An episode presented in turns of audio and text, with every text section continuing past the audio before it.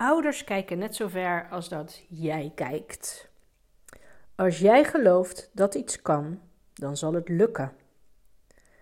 Dat zijn twee zinnen die ontzettend veel vertellen.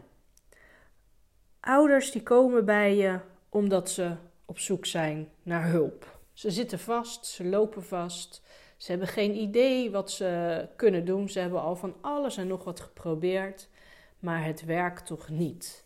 Nou, dat is de, de reden dat ze bij jou komen. En ik heb een keer een super mooi voorbeeld gehoord van een uh, trainer en die vertelde het heel erg mooi.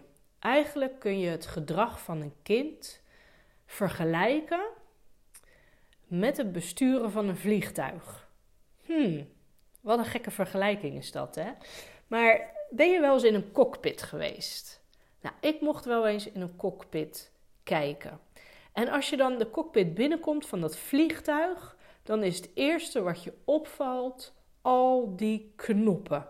Er zijn misschien wel honderden knoppen op zo'n klein oppervlakte.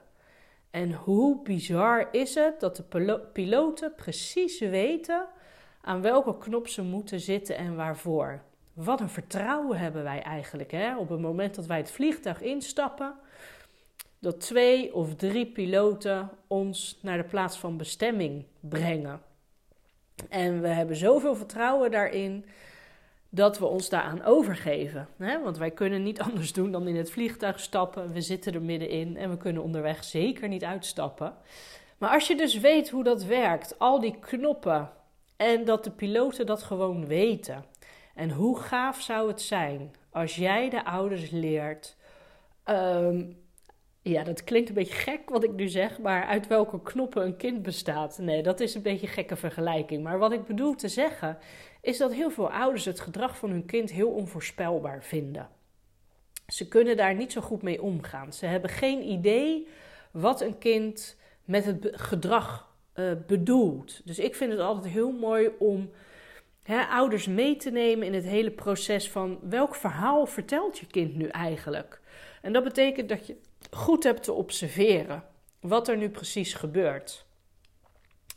En kinderen vertellen met hun gedrag een, een, een, een verhaal. Hè? Er is iets aan de hand. Alleen je kan niet altijd de vinger erop leggen waar het mee te maken heeft. Kijk, soms is een situatie heel duidelijk. Hè? Dan is er een gebeurtenis waar een kind op reageert.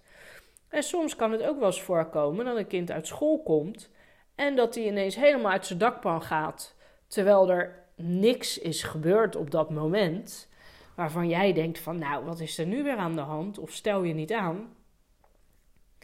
Maar dat het dus een uitingsvorm is van wat er eerder op die dag is gebeurd. Dus kinderen vertellen altijd een verhaal met hun gedrag. En het is heel fijn als je dat tegen ouders kunt vertellen. Dat kinderen een verhaal vertellen met hun gedrag. En dat jij het verhaal gaat leren ontleden en vertalen. Vertalen naar de ouders toe. En hoe gaaf is het als jij ouders kan meenemen in de mogelijkheden die er zijn. Dat je ze vertrouwen geeft dat wat er ook gebeurt, dat dat goed komt. Ik weet nog heel goed dat ik op vakantie was en ik raakte aan de praat met een dame. En uh, zij werkte in de maatschappelijke, maatschappelijke zorg. En zij vertelde op een gegeven moment over haar eigen zoontje. Haar zoontje was zeven. En het is al een paar jaar geleden hoor. Maar haar zoontje was zeven. En ze liepen helemaal vast op school. En ze wist gewoon niet meer goed wat ze moest doen. Ze had het er ontzettend moeilijk mee. Op het moment dat ze hoorde wat voor werk ik deed en hè, dat we binnen Happy Kids Care uh, veel kennis hebben van ADHD en autisme en dat de kinderen zich echt wel goed kunnen ontwikkelen. Als je maar ja, weet hoe je dat op de juiste manier kan aanpakken. En dat gaf haar vertrouwen. Ik vertelde haar dat ik nou, al ongeveer 15 jaar in dit werk zit. En nog best wel veel met kinderen waar ik vroeger uh, leuk contact mee had. Of goed contact mee had, die ik begeleid heb. Ja, die waren toen een jaar of uh, 12, 13 dat ze bij mij instroomden. Nou, de meeste die zijn rond de 30. En die hebben best een goed leven opgebouwd, al zeg ik het zelf. Dat ik denk, wauw, hoe tof is dat? Eentje die vliegt de wereld over. Weer een ander die uh, is naar Engeland verhuisd en uh, nou, die heeft daar uh, zijn eigen business opgezet. Weer een ander die, die is ondertussen getrouwd. Nou, het is, ja, ik, het is gewoon gaaf. Dat ik denk, zie je wel, we moeten blijven geloven. En dat is vaak wat er gebeurt. Hè? Je zit in die probleemsituatie. En ouders kunnen dan niet meer verder kijken dan hun neus lang is. En ja, je kan heel erg inzoomen op de problemen of je kan heel toekomstgericht zijn. En soms helpt het juist om toekomstgericht te zijn. En heel veel ouders die zijn toch wel dat ze blijven hangen in het verleden. wat er dan is gebeurd in het verleden, dat komt keer op keer. Ja, daar hebben ze uh, die frustraties, ze hebben wantrouwen. Uh, ja, er zijn gewoon te veel gebeurtenissen geweest waardoor ouders uh, de hoop zijn verloren, het vertrouwen in de toekomst kwijt zijn. En je kunt stilstaan in het verleden, hè, maar daar los je niks mee op. Wat gebeurd is, is gebeurd. En ik vind dat we dat ook echt van de kinderen kunnen leren. Kinderen kunnen heel goed in het heden leven. En wat gebeurd is, is gebeurd. Ze laten het van zich afglijden. En wij volwassenen blijven echt wel heel vaak hangen in bepaalde gevoelens, bepaalde emoties. Hè. We nemen het dag in dag uit mee. En hoe mooi zou het zijn als je gewoon iedere avond de dag afsluit en het bij de dag laat wat er op die dag is gebeurd, wat niet leuk is. En dat je dan de volgende ochtend weer opstaat met hè, er is weer een nieuwe dag voor de boeg. Uh, het is weer allemaal open, weer allemaal nieuw. We gaan er weer opnieuw naar kijken. Zonder dat je dus alle ballast meeneemt uit het verleden. En dat is ook een van de ja, tips die, die ik je mee wil geven. Is dat je heel erg leert om naar de toekomst te kijken. Heel erg toekomstgericht bent. Ouders meenemen naar de toekomst. En dat is ook in het stappenplan wat je kunt downloaden. Wat is de gewenste situatie? Heel erg ouders daarin meenemen. Hoe ziet het eruit? Wat gebeurt er dan? Wat zie je dan? Wat hoor je dan? Wie zijn er om je heen? Hoe voel je je dan? Hoe wil je je gedragen? Stel dat het leven maakbaar is. Hoe zou je dat voor elkaar willen krijgen? En dat je helemaal in gaat tunen in de situatie zoals je die heel graag zou willen. En het is zo belangrijk om ouders daar helemaal in mee te nemen. En het leuke is, ouders staan daar ook echt voor open. Ze vinden het fantastisch om zichzelf beter te leren kennen, maar ook om te ontdekken wat er mogelijk is. Want daar gaat een last van ze af.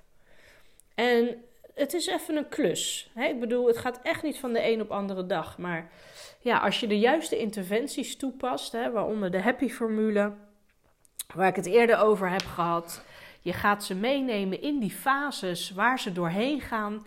En je vindt daar de juiste interventies, waardoor ze weer groeien, waardoor ze weer succesjes ervaren, waardoor ze zien wat er nog meer mogelijk is, ja, dan gaan ze in beweging komen. En dan neem je ouders echt mee in die ontwikkeling. En dat is ontzettend tof. En het mooie is altijd, daarom geloof ik er heel erg in, dat je je eigen ontwikkeling kan je niet loszien van je werk. Op het moment dat jij in je eigen leven tegen bepaalde struggles aanloopt en jij doet er niks mee, dan geef je eigenlijk ook onbewust een signaal af naar ouders. op het moment dat jij bepaalde struggles hebt die jij ook gaat aanpakken, dan leer je ineens, dan ontdek je ineens dat je uit je comfortzone gaat. Je wordt ongemakkelijk. Je gaat door emotionele processen. Je Ehm, ja, je gaat iets, iets aanpakken waarvan je niet weet wat de, wat de uitkomst gaat worden. dat weet je gewoon niet. Je weet nu hoe je je voelt en wat er is. En dat geeft ook een soort van schijnveiligheid. En op het moment dat je er echt mee aan de slag gaat, ja, dan ga je naar een next level toe met jezelf. En precies dat, als je dat durft, als je dat aangaat, als je daar de moed voor vindt, en ik vind eerlijk gezegd dat je dat echt verplicht bent als je dit werk doet. Dat ook jijzelf, hè, ook ik, dat je door je eigen processen heen gaat. Waarom? Omdat je dan nog beter kan inleven in de klanten. En sterker nog, ouders voelen dat. Ouders voelen het als je je eigen struggles ook aan hebt gepakt in je leven. En het is heel bijzonder hoe dat werkt. Maar ja, je kan dan precies de juiste snaar raken. En ik heb veel met uh, ja, jonge young professionals gewerkt die net van de opleiding afkwamen. En ja, die liepen op een gegeven moment tegen allemaal bepaalde processen aan. En ik heb ze daarin begeleid, ik heb ze daarin gecoacht. En dan merk je dat er echt een wereld van verschil is van voor die periode en na die periode. Dus ik daag altijd iedereen uit om naar jezelf te kijken. Als jij ergens last van hebt, ook in gesprekken met je klanten, met ouders, met kinderen, als jij weerstand ervaart, als je voelt van, nou, dit werkt echt helemaal niet voor mij. Uh, of ik, ik word persoonlijk aangevallen. Als jij merkt gewoon in de gesprekken dat je een trigger hebt, ga dan niet naar de klanten toe wijzen, maar kijk naar jezelf. Kijk in de spiegel van hé, hey, wat zegt dit over mij? Wat betekent dat dat ik me hier zo in uh, geraakt voel? Hè? Wat, wat wil die emotie mij vertellen? Dat is het mooie van emoties. Hè? Emoties die vertellen jou ook iets. Hè? Ze willen jou een, iets duidelijk maken. En een emotie, dat is iets wat ontstaat. En hoe jij daarop reageert, dat kun je altijd zelf bepalen. En ik zeg niet dat het makkelijk is, maar ik zeg wel dat het mogelijk is. En hoe bijzonder is dat als jij dat ja, durft te facen, als je dat onder ogen durft te komen. En op het moment dat jij dus zelf ook jouw eigen struggles aanpakt, zul je zien dat je ook een ander mens aan het worden bent.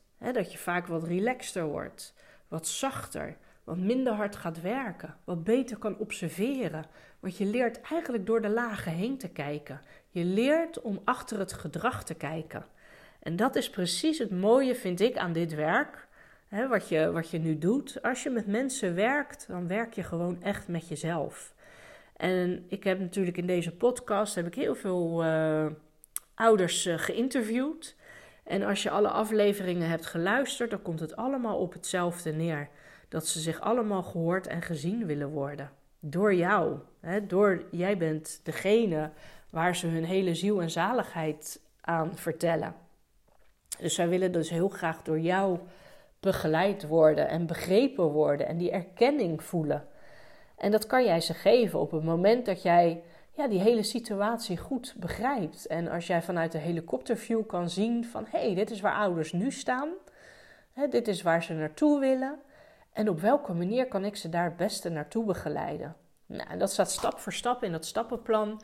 Sneller succes met ouders. Hoe je dat op een mooie manier kunt aanpakken. Ja, interessant hè. Ik heb, uh, nou, wat ik al zei, ik heb best wel veel uh, gesprekken gehad met ouders. En ik ben ook vaak op weerstand uh, gestuurd. Dat ik dacht, hè, als je het nou net even anders aanpakt, dan, ja, dan, dan gaat er een wereld van verschil uitmaken. Maar als ik dat zeg, dan werkt dat niet. Het heeft geen zin om ouders te overtuigen. En dat is de reden dat ik heel erg werk, heel vaak werk met uh, modellen. Net zoals dat uh, model van het stappenplan. Maar ook met het, uh, het model van de logische niveaus bijvoorbeeld. Ik heb een, binnenkort geef ik weer een training. Die geef ik voor het eerst, eerlijk gezegd, aan, aan de buitenwereld. Die heb ik heel veel uh, intern heb ik ze opgeleid bij, uh, bij Happy Kids Care, de mensen. En daarin um, ja, neem ik, neem ik de, de, de jeugdprofessionals mee. Hè? Hoe werkt dat nu precies? En misschien ken je het wel, wat de, lo de logische niveaus van Gregory Bateson. Hè, dat is een, uh, een, een antropoloog, een, een, een socioloog die Ehm, in de jaren nou, 60, 50, 60 heeft hij de logische niveaus ontwikkeld. En in de logische niveaus zegt hij heel duidelijk: een probleem kun je niet oplossen op hetzelfde level. Nou, ik vond dat zo'n eye-opener. Want inderdaad, hè, als je dan de logische niveaus kent, hè, dat bestaat uit omgeving, ehm, dan een stapje hoger gaat het over gedrag, weer een stapje hoger gaat het over vaardigheden. Weer een stapje hoger gaat het over waarden en overtuigingen. Daarboven staat identiteit en op de allerhoogste level staat missie. je, je, je doel, wat je graag wilt bereiken. En ouders die komen altijd met gedrag. Het gedrag wat ze lastig vinden, het gedrag wat ze een uitdaging vinden. En wat doen wij als, als hulpverleners, als professionals? Wij gaan ook op gedrag begeleiden. En ik heb dat altijd heel interessant gevonden toen ik dit model leerde. Dat ik dacht, ja, maar dit is precies waar het verkeerd gaat. Hè? We vinden het vervelend dat de kinderen uh, bepaalde gedragingen en emoties laten zien. Maar we gaan ze daar ook op, op aanspreken. Hè? Dus stop met huilen, hou op met rennen, ruim je kamer op. Uh, zorg dat je je huiswerk beter leert. Uh, eet je eten op. Uh, stel je niet aan. We zijn zo bezig in onze communicatie op gedragsniveau. Maar daar zit dus de oplossing niet volgens dit model. De oplossing zit hem op een heel ander level. En daarin heb ik me verdiept de afgelopen tien jaar. Dat ik dacht, hoe kunnen we er nou voor zorgen dat we ouders meenemen, zodat ze niet op dat gedrag blijven hangen. Maar ook wij professionals, dat we zelf niet op dat gedrag blijven hangen. Dus ik heb me heel erg verdiept in de waardes. Wat vinden mensen nu belangrijk? Wat zijn de kernwaarden die een ouder heeft? Nou, en als jij je ouders hè, die je begeleidt kan meenemen in die kernwaarden. Ik heb daar een training in ontwikkeld. Je kan daar ouders in coachen. Nou, ik vertel je, het gaat een wereld van verschil opleveren. En dat is zo gaaf om te zien. Het is zo'n eye-opener. En ook dit is weer, het is iets heel uh, basics, iets heel menselijks. Hè? We leven er allemaal naar. Alleen we weten niet dat we er naar leven. We weten niet dat onze waarden zo belangrijk zijn. Hè, soms, uh, ik geef wel eens uh, voorbeelden van ouders die constant ruzie hebben met elkaar. Ik heb een ouderpaar gehad, die hadden echt vaak ruzie. En op een gegeven moment zeiden ze: Judith, kan jij ons niet begeleiden? Ik zeg: Nou, ik ben geen uh, relatietherapeut. Sterker nog, ik zeg: Ik ben zelf niet zo goed in relaties. Dus liever, uh, ja, liever niet. Ja, maar jij kent onze situatie, je kent onze zoon. En ja, we komen er gewoon niet uit met z'n tweeën. En we weten zeker als er een derde bij is, dan maken we geen ruzie, maar dan komen we misschien tot een constructief gesprek. Toen dacht ik: Oké, oké. Ik hoor wat jullie zeggen. Ik ben natuurlijk totaal geen relatietherapeute. Maar ik dacht, weet je wat? We gaan met het waardespel aan de slag. En ik ben met hun met het waardespel aan de slag gegaan. En uh, door, nou, door bepaalde vragen te stellen, komen ze tot inzichten. En uiteindelijk kwamen ze. Uh, vader kwam uiteindelijk uh, met de hoogste waarde vriendschap. En hij had een heel rijtje, ik weet niet meer precies wat hoor, maar vriendschap uh, kwam op de eerste plaats. En daarna uh, geloof ik plezier, uh, samenwerking. En moeder had heel erg liefde op de eerste plaats en rust en respect. En zij zag wat vader op de eerste plek had staan. En dat was dus vriendschap. En ze begon te lachen. Dus ik vroeg van, joh, waarom lach je? Ze zegt, nou, ik vind dit zo bizar wat er nu met mij gebeurt, zegt ze. Ik voel gewoon een stuk opluchting. Ik merk dat er gewoon een last van mijn schouders valt. En ik werd natuurlijk nieuwsgieriger, want ik dacht, huh? hoe uh, kan het dat het zo'n impact heeft? En toen zei ze, nou, weet je wat het is? Mijn man, die is altijd heel erg plezierig. Hij geeft altijd toe aan mijn zoon. En mijn zoon, nou, dat is de jongen, die jongen heeft autisme. En hij krijgt gewoon heel vaak zijn zin van zijn vader. En moeder is daar wat, wat strenger in en wat rigide. En nee is nee en ja is ja. En vader die is daar gewoon te gemakkelijk in. En zij vindt dat dat niet bijdraagt aan, zijn, aan de ontwikkeling van hun zoon. Dus daar hebben ze dus heel vaak ruzie over. Maar nu ziet zij dus dat vriendschap de hoogste waarde is uh, bij vader. En de opdracht was: hè, neem in je waarde mee wat je graag in de opvoeding mee wil geven. Hè? Dus de, het waardespel werd gespeeld met de intentie wat jij dus het belangrijkste vindt in de opvoeding.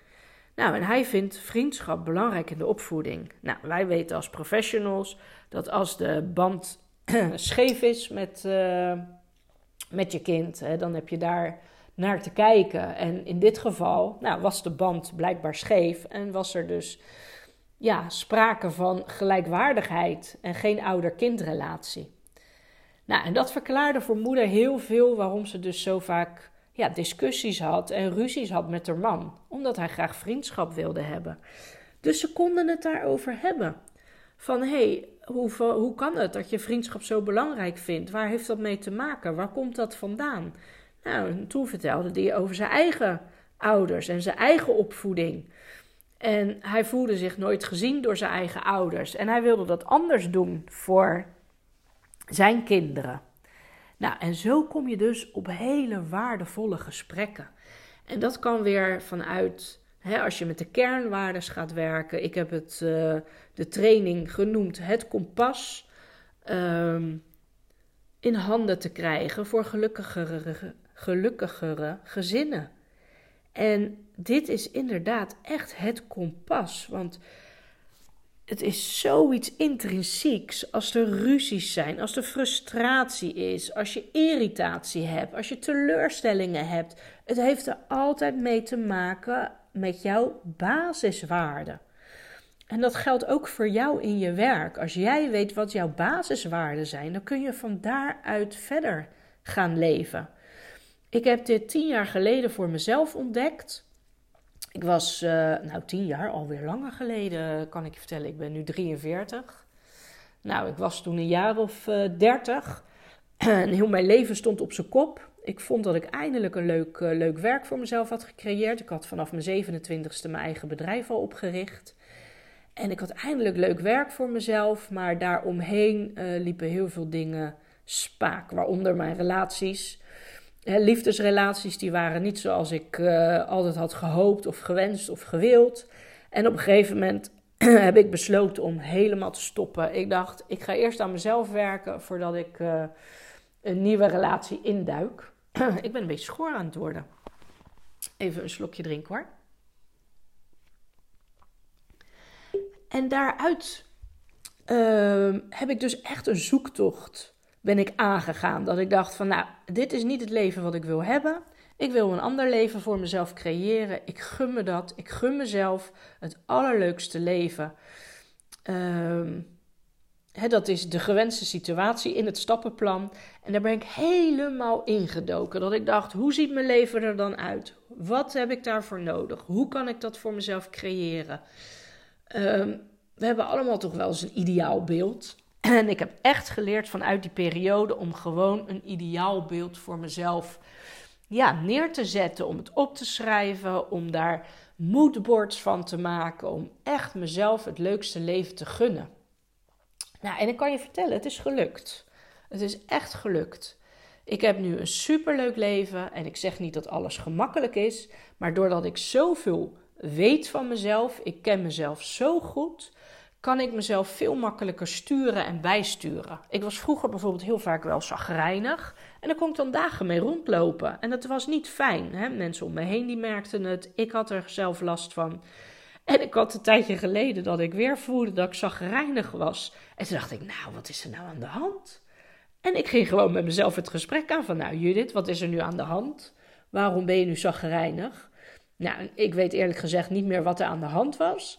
Maar omdat ik het met mezelf erover had. En ik ging het gewoon echt hardop tegen mezelf zeggen. Hè, van wat is er aan de hand? Ik gaf het antwoord. En ik dacht, oké, helder. Nou, dan gaan we dat toch oplossen. Dan moet je daar wat mee doen. Nou, en ik voelde zo dat hele gevoel van zaggerijnigheid voelde ik weg, wegdruipen. Nou, dit soort dingen, dat is super fijn. Dat je gewoon zelf die controle hebt over je eigen leven. En over je eigen emoties en je gevoelens. Alleen heb je wel die tools te leren. En dit is eigenlijk de hele basis wat ik doe in coaching met ouders, in gesprekken, in trainingen. De basis. Weet wat voor jou belangrijk is. Weet wie jij bent. Weet wat je nodig hebt. En dat heb je eerst allemaal te leren. Dus voor mij waren ook hè, toen de tijd toen ik met mijn eigen kernwaarden uh, in aanraking kwam, dat was zo'n eye-opener dat ik dacht: ja, dit is het. Dit is het. En je kan die waarden, je hebt kernwaardes in je werk, je hebt kernwaardes in je privéleven, je hebt kernwaardes op liefdesgebied.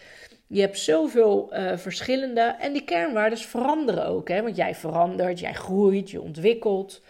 Dus ook dat is goed voor jezelf om te weten.